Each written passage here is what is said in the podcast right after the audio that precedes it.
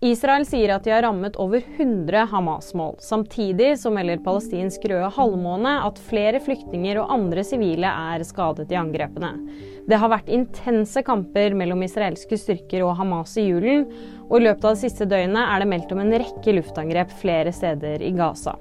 Juledøgnet skal være et av de dødeligste døgnene så langt i krigen.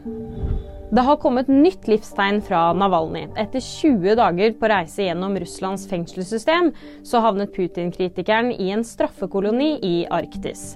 Hans støttespillere mistet kontakt med han 5.12, og nå skrives det på hans ekskonto at han har det fint og er lettet for å være fremme. Kanye West beklager til det jødiske samfunnet. West skriver på sin Instagram på hebraisk at han angrer dypt all smerte han kan ha forårsaket, og at det ikke var hans intensjon å fornærme. Artisten har det siste året fått sterk kritikk for uttalelser på sosiale medier som har blitt tolket antisemittisk. Og nyheter det finner du alltid på VG.